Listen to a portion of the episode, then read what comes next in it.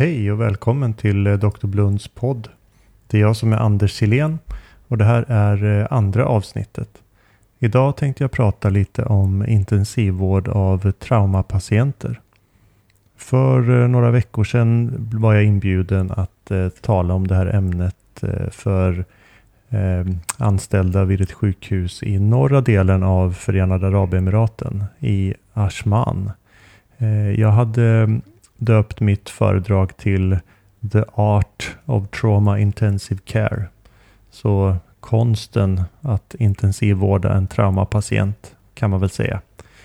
Eh, jag tänkte att du skulle få ta del av eh, innehållet i föredraget nu. Jag ber om ursäkt för eventuell svengelska som kan smyga sig in när jag realtids översätter mitt engelska föredrag. Det här ska mest ses som en översikt av ämnet eh, och eh, flera områden eh, förtjänar säkert egna avsnitt i framtiden. Hur som helst, nu börjar vi.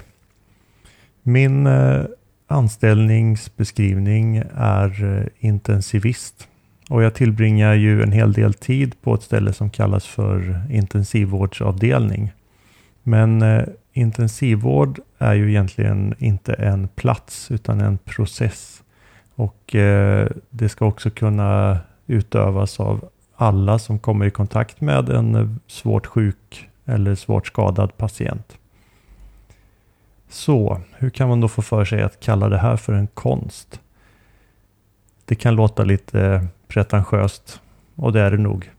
Men eh, det jag menar är att eh, när man intensivvårdar en traumapatient finns det en hel del eh, dilemman och eh, gåtor som inte har några klara svar. Eh, vi kommer ut från eh, våra utbildningar och eh, specialistutbildningar med eh, en massa kunskaper och färdigheter eh, som vi skulle kunna kalla hantverket. Men eh, när man ska tillämpa hantverket så stöter man ibland på dilemman som gör att man behöver också erfarenhet och eh, lagarbete. Och det är det som jag skulle vilja kalla konsten. Eh, för att ta några exempel från traumavärlden. Eh, en patient med eh, svår blödning från eh, ett eh, inre organ Eh, Eh, där kan man vilja bibehålla ett eh, lågt blodtryck i väntan på definitiv åtgärd, så kallad eh, permissiv hypotension. Men eh, om den patienten också har en hjärnskada så vet vi att eh, ett enda tillfälle med eh, lågt blodtryck kan vara deletärt för utgången. En patient med svår lungkontusion och krossskadade muskler är ett annat exempel. Eh, vi vill gärna hålla patienten väl hydrerad för att skydda njurarna. Men eh, övervätskning är eh, ett stort problem för de skadade lungorna. Och det kan leda till försämrad syresättning och det kan i sin tur återigen förvärra en hjärnskada. Och när ska man starta mm, DVT-profylax med eh, lågmolekylärt heparin på en eh, traumapatient med blödningsrisk. När eh, är den bästa tiden att gå tillbaka till operationssalen för att göra den slutgiltiga reparationen av tarmskador med mera?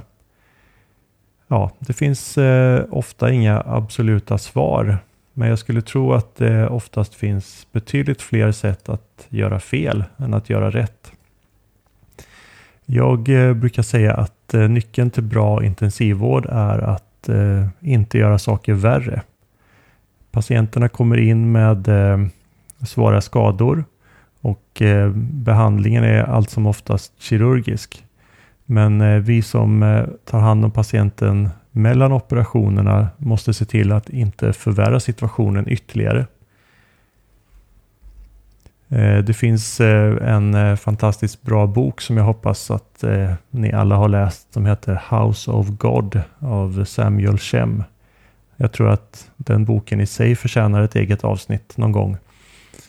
I den boken finns det en lista med regler eller lagar och den trettonde regeln säger på engelska The delivery of good medical care is to do as much nothing as possible. Det vill säga, det bästa du kan göra för patienten är att göra så lite som möjligt. Och eh, jag håller faktiskt med. Eh, notera dock, så lite som möjligt betyder inte gör ingenting. Ibland kan så lite som möjligt vara att göra väldigt mycket väldigt snabbt på en gång. Men eh, det gäller att välja sina tillfällen så att man inte gör för mycket. Man kan eh, tänka sig intensivvårdaren som en eh, katt som eh, gärna ligger och vilar sig, kanske med en kopp kaffe i handen, men som är redo att eh, genast aktiveras vid minsta alarm för att eh, göra alla de här åtgärderna som kan behövas. Det finns en stark trend inom eh, intensivvårdslitteraturen på sistone eh, mot att att eh, eh, less is more, så att säga. Eh, och eh, en amerikansk eh, stiftelse som heter ABIM har lanserat eh, en kampanj som heter Choosing Wisely. Jag har länkat till den i blogginlägget som hör till det här, det här avsnittet. Eh, och eh, där finns det faktiskt eh, en hel lista med saker som gäller intensivvård. Jag tänkte gå igenom några av dem i alla fall. Ehm, den första punkten är att man ska undvika att göra rutinmässiga labbtester och diagnostiska undersökningar utan en specifik frågeställning. Det förekommer allt för ofta att man ordinerar dagliga blodprover eller regelbundna röntgenundersökningar utan att eh, det finns någon klinisk indikation. Eh, och eh, Det här är ett problem, dels för att det tar resurser och pengar, men också för att man eh, kan få tillbaka resultat som man inte hade väntat sig och då måste man ju hantera dem. Eh, det enda som eh, jag brukar säga är att tänk efter innan du beställer den här undersökningen om svaret på den kan påverka din handläggning. Om det inte gör det, då är det bättre att faktiskt inte beställa det här provet. Eh, nästa punkt handlar om eh, blodtransfusioner. Och där eh, har, jag tycker jag i alla fall, gränserna ändrats ganska mycket under min karriär. Regeln som gäller just nu är att man transfunderar inte blod om HB-värdet är över 70 80 gram per liter till en stabil och icke blödande IVA-patient. Nu eh, kan vi då hamna i ett dilemma med våra traumapatienter. Eh, de ska ju helst inte blöda. Om kirurgen har gjort sitt jobb så eh, bör ju det här gälla även traumapatienten. Men om en traumapatient plötsligt sjunker i blodtryck eller ökar i hjärtfrekvens så måste man anta att orsaken är hypovolemi och hypovolemi hos en traumapatient är blödning tills motsatsen är bevisad. Vid blödning så är det blodprodukter som gäller och ingenting annat. Eh, den eh, bästa evidensen är för att transfundera i förhållandet 1 till 1 till 1, eh, det vill säga röda blodkroppar, plasma och trombocyter Ehm, I Sverige är det ganska vanligt att trombocyter eh, samlas så att eh, det finns trombocyter från fyra givare i en enhet. Eh, I så fall blir det förstås 4-4-1 istället. Ehm, och blodprodukterna ska ges i en snabb transfusionsapparat av något slag med högt tryck. Inte trombocyterna förstås, men eh, plasman och eh, eh röda blodkroppar. Eh, labb behöver du inte bry dig om i det här läget, för det kommer inte att hjälpa dig. Eh, hemoglobinvärdet ändras inte vid blödning. Eh, rutinmässiga koagulationsparametrar eh, har väldigt lite korrelation med eh, blodförlust. Ehm, det enda värdet som jag Eh, brukar försöka ta är fibrinogen för det kan löna sig att eh, ge extra om patienten har lågt fibrinogen, det vill säga mindre än 2. Ehm, om du har tillgång till eh, realtidskoagulationsmätning eh, som TEG eller ROTEM till exempel så är det utmärkt. Då kan du använda det.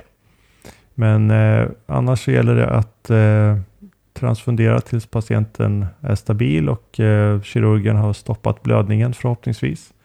Eh, när patienten är stabil, ja då är det dags att eh, återgå till att eh, vila och dricka kaffe igen. Eh, möjligen kan du kolla ett HB-värde efter ett tag. Men är det över 70, transfundera inte. Så nästa eh, ämne handlar om eh, nutrition. Eh, och ehm, det säger helt enkelt eh, undvik eh, parenteral nutrition, det vill säga TPN, till ehm, välnärda IVA-patienter under de första sju dagarna.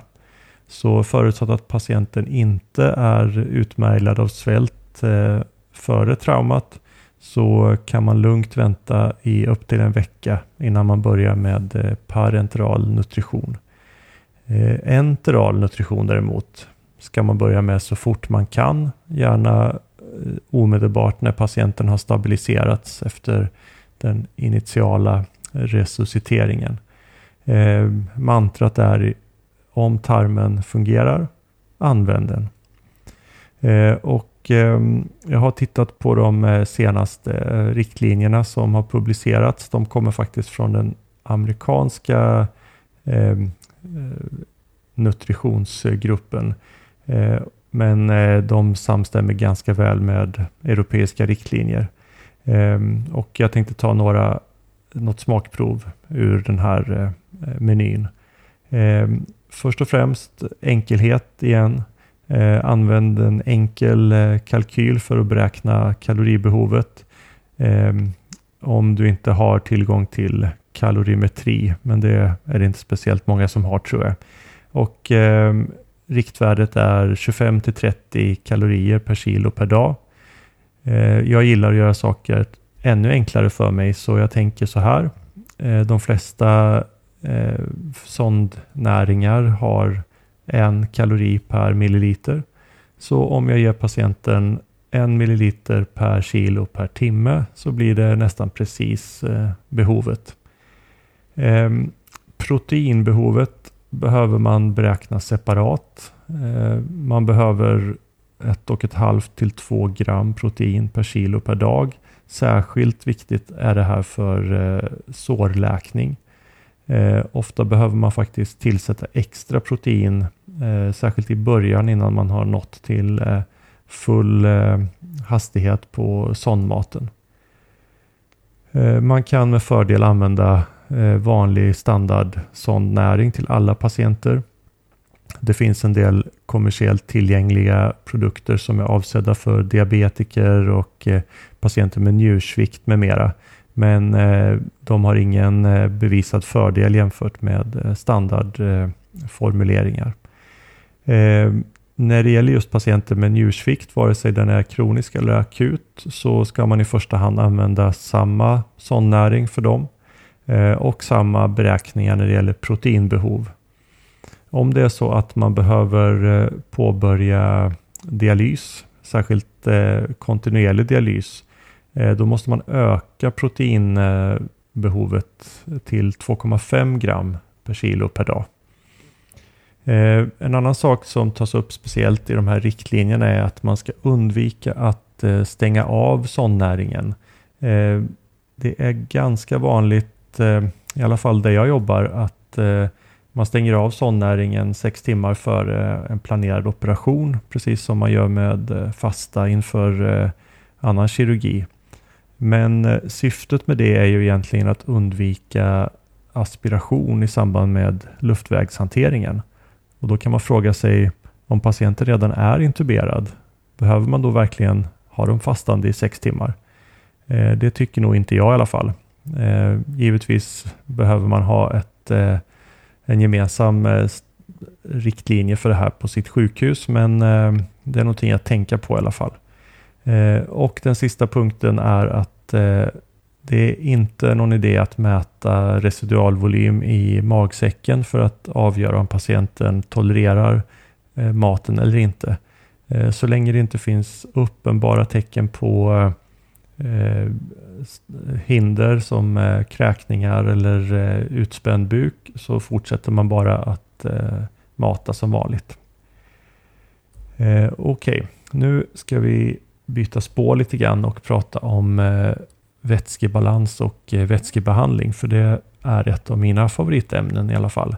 Och det är lite relaterat till de här två tidigare ämnena, transfusion och eh, nutrition. Eh, som, eh, som du vet så eh, innehåller ju våra kroppar mest vatten, sådär 60-70 procent. Eh, och för att eh, hålla balans så behöver vi ungefär 25 till 30 milliliter vatten per kilo per dag. Så vi kan göra det enkelt igen och säga en milliliter per kilo per timme. Men hur kom vattnet in i kroppen?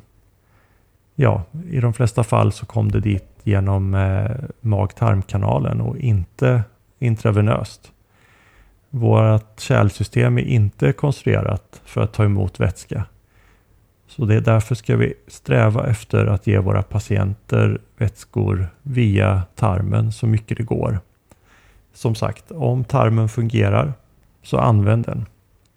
Ibland måste vi förstås ge intravenösa vätskor till våra patienter.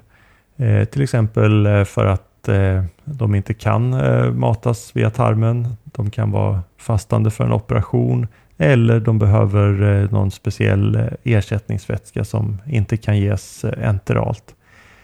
Ehm, jag har märkt att eh, många, däribland jag själv, inte ägnar tillräckligt mycket tid åt att fundera på vad de här IV-vätskorna egentligen innehåller. Och eh, en sak speciellt som eh, jag sällan såg hemma i Sverige men som är väldigt vanligt i andra länder är att man använder så kallad eh, fysiologisk eh, koksaltlösning. Alltså 0,9 procent natriumklorid i vatten som en standardvätska. Och den har en hel del problem med sig. Och eh, när jag föreläste för eh, mina kollegor i Ashman så bad jag dem att eh, gå hem till sina avdelningar och låsa in varenda påse de kunde hitta av koksaltlösning. Och ehm, jag motiverade ungefär så här. Ehm, återigen, tänk på vårt basalbehov. Förutom vatten så behöver vi också natrium. Och ehm, i min lärobok står det att vi behöver ungefär ett millimol natrium per kilo per dag. Eh, egentligen är det nog betydligt mindre än så, kanske ungefär hälften. Men eh, i två liter eh, av fysiologisk koksalt så finns det 308 millimol natrium. Så om en person med eh, en kroppsvikt av 80 kilo får 2 liter koksalt så har han alltså fått 308 millimol natrium som är fyra gånger basalbehovet. Ehm, för att göra sig av med allt det här extra saltet så måste njurarna arbeta hårt. Och våra njurar har, ju, har bara förmågan att eh, koncentrera urin till ungefär 1400 milliosmoler per liter. Och Det betyder att det går åt ungefär 2 deciliter vatten bara för att utsöndra det extra natriumet man har fått. Och Det är faktiskt väldigt vanligt att eh, patienter blir eh, hypernaträma efter någon vecka eller så på IVA. Och Det här är förstås eh, orsaken. Men det är inte det enda problemet med den här så kallade fysiologiska lösningen. Eh, det är också så att Eh, det har syra-bas-konsekvenser. Eh, vår eh, pH-balans i blodet bestäms eh, till största delen utav det som kallas för eh, eh, strong ion difference. Ungefär stark jonskillnad. Som är skillnaden i koncentration mellan de positiva och de negativa jonerna i stort sett kan man säga att det är natriumkoncentration minus kloridkoncentration i plasma. Eh, och ett normalt värde är eh, 34 till 38 millimol per liter. Eh, då tillsammans med de andra två viktiga parametrarna som är koldioxid partialtrycket och summan av alla svaga syror, i stort sett albumin. Eh, de tre faktorerna tillsammans ger oss ett pH av runt eh, 7,4. Om eh, den här eh, jondifferensen blir mindre då uppstår eh, en metabolacidos. Kallas ofta för hyperkloremacidos. Eh, om skillnaden blir större så får vi istället en metabol alkalos. Ehm, så om vi nu undersöker en eh, påse koksalt och räknar ut eh, differensen där då kommer vi fram till att den är noll. 154 millimol natrium minus 154 millimol klorid blir noll. Och faktum är att tittar du lite längre ner på etiketten så står det faktiskt där att pH-värdet är runt 5,5. Ehm, det är alltså en ganska sur lösning. Så det borde inte komma som en överraskning att eh, patienterna blir acidotiska efter några liter eh, koksalt. Eh, det här gäller faktiskt också vatten. Eh, så eh, om man ger eh, sockerlösningar utan elektrolyter så får man samma resultat. Det vill säga man ger en lösning med liten jondifferens och det leder till acidos. Ehm, det här kommer garanterat att bli ämnet för ett Eh, framtida avsnitt av eh, eh, den här podcasten. Men ehm, slutbudskapet är i alla fall att eh, tänk efter eh, vilken vätska du ger din patient. Eh, kontrollera labb och blodgas och välj en vätska därefter.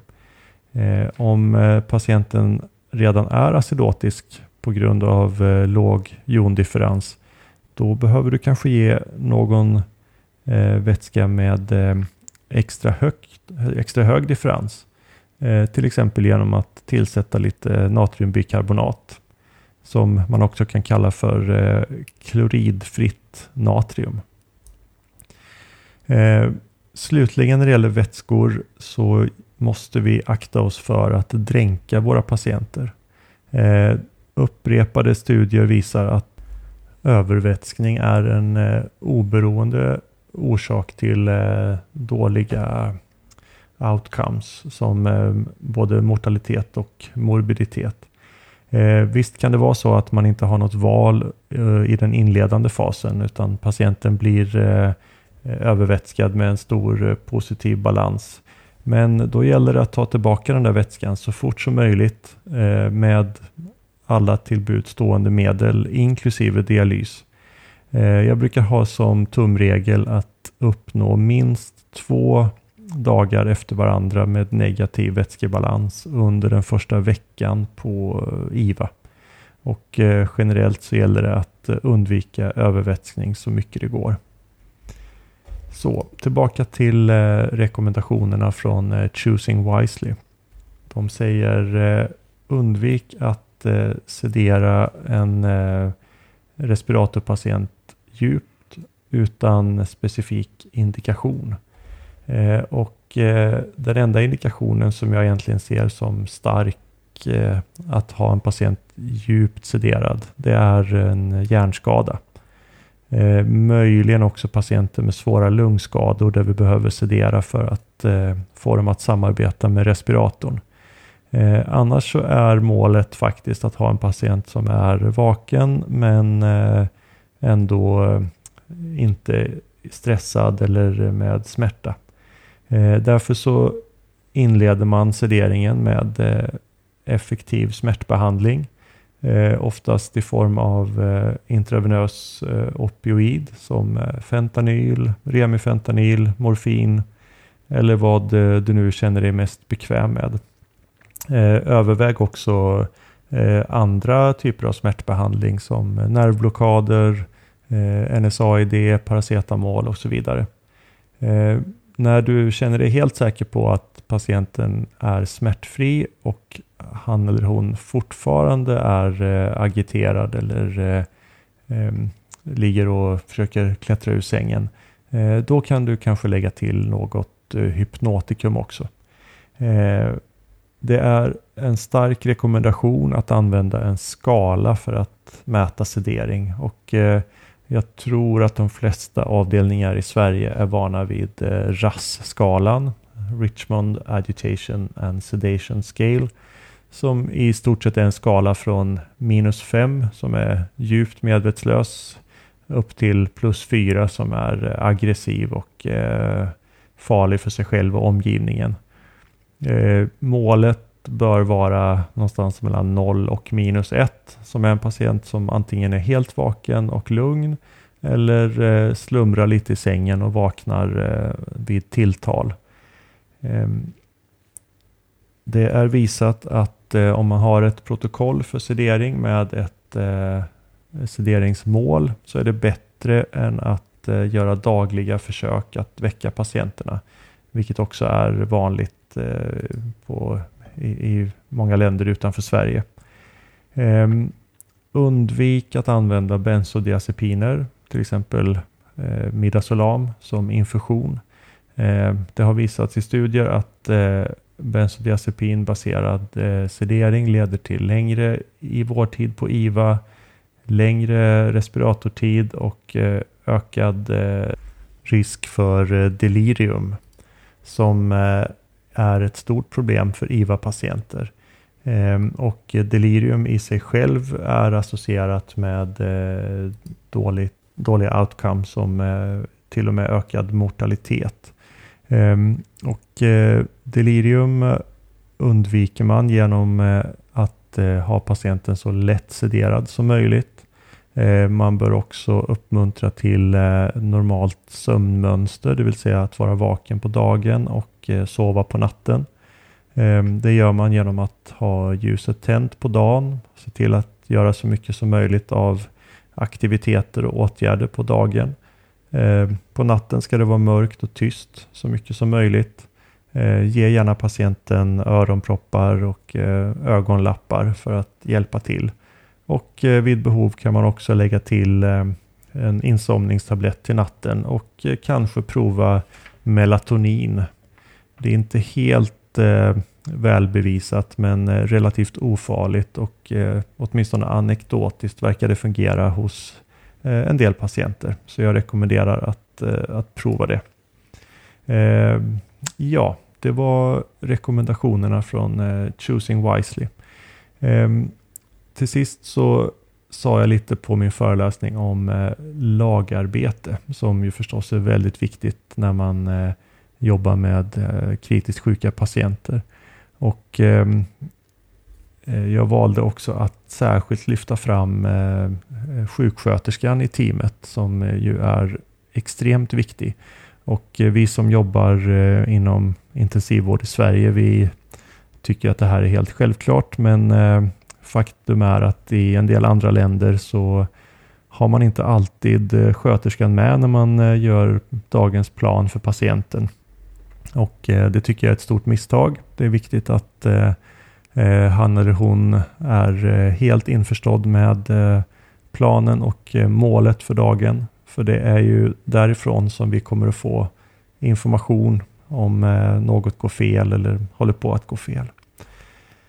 Så eh, sammanfattningsvis eh, så var mina budskap med det här lilla föredraget att eh, gör så lite som möjligt. Men det betyder inte att du inte ska göra någonting. Du gör det som behövs men inte mera. Eh, ge dina patienter eh, mat via tarmen så tidigt som möjligt. Undvik den så kallade fysiologiska koksaltlösningen. Jag väljer att eh, från och med nu kalla den ofysiologisk koksalt. Eh, sedera inte patienterna med eh, bensodiazepiner och eh, jobba bra i ditt team. Ja, Därmed så är det slut på det här avsnittet av Dr. Blunds podd. Ehm, jag hoppas att eh, ni fann något matnyttigt här. Eh, det kommer eh, säkert att bli några uppföljningsavsnitt, eh, särskilt på området syra-bas. Men om du har några andra önskemål eller kommentarer så tar jag tacksamt emot dem. Kom ihåg www.doktorblund.se och till nästa gång, ha det så bra. Det här är Anders Tillén. Hej då!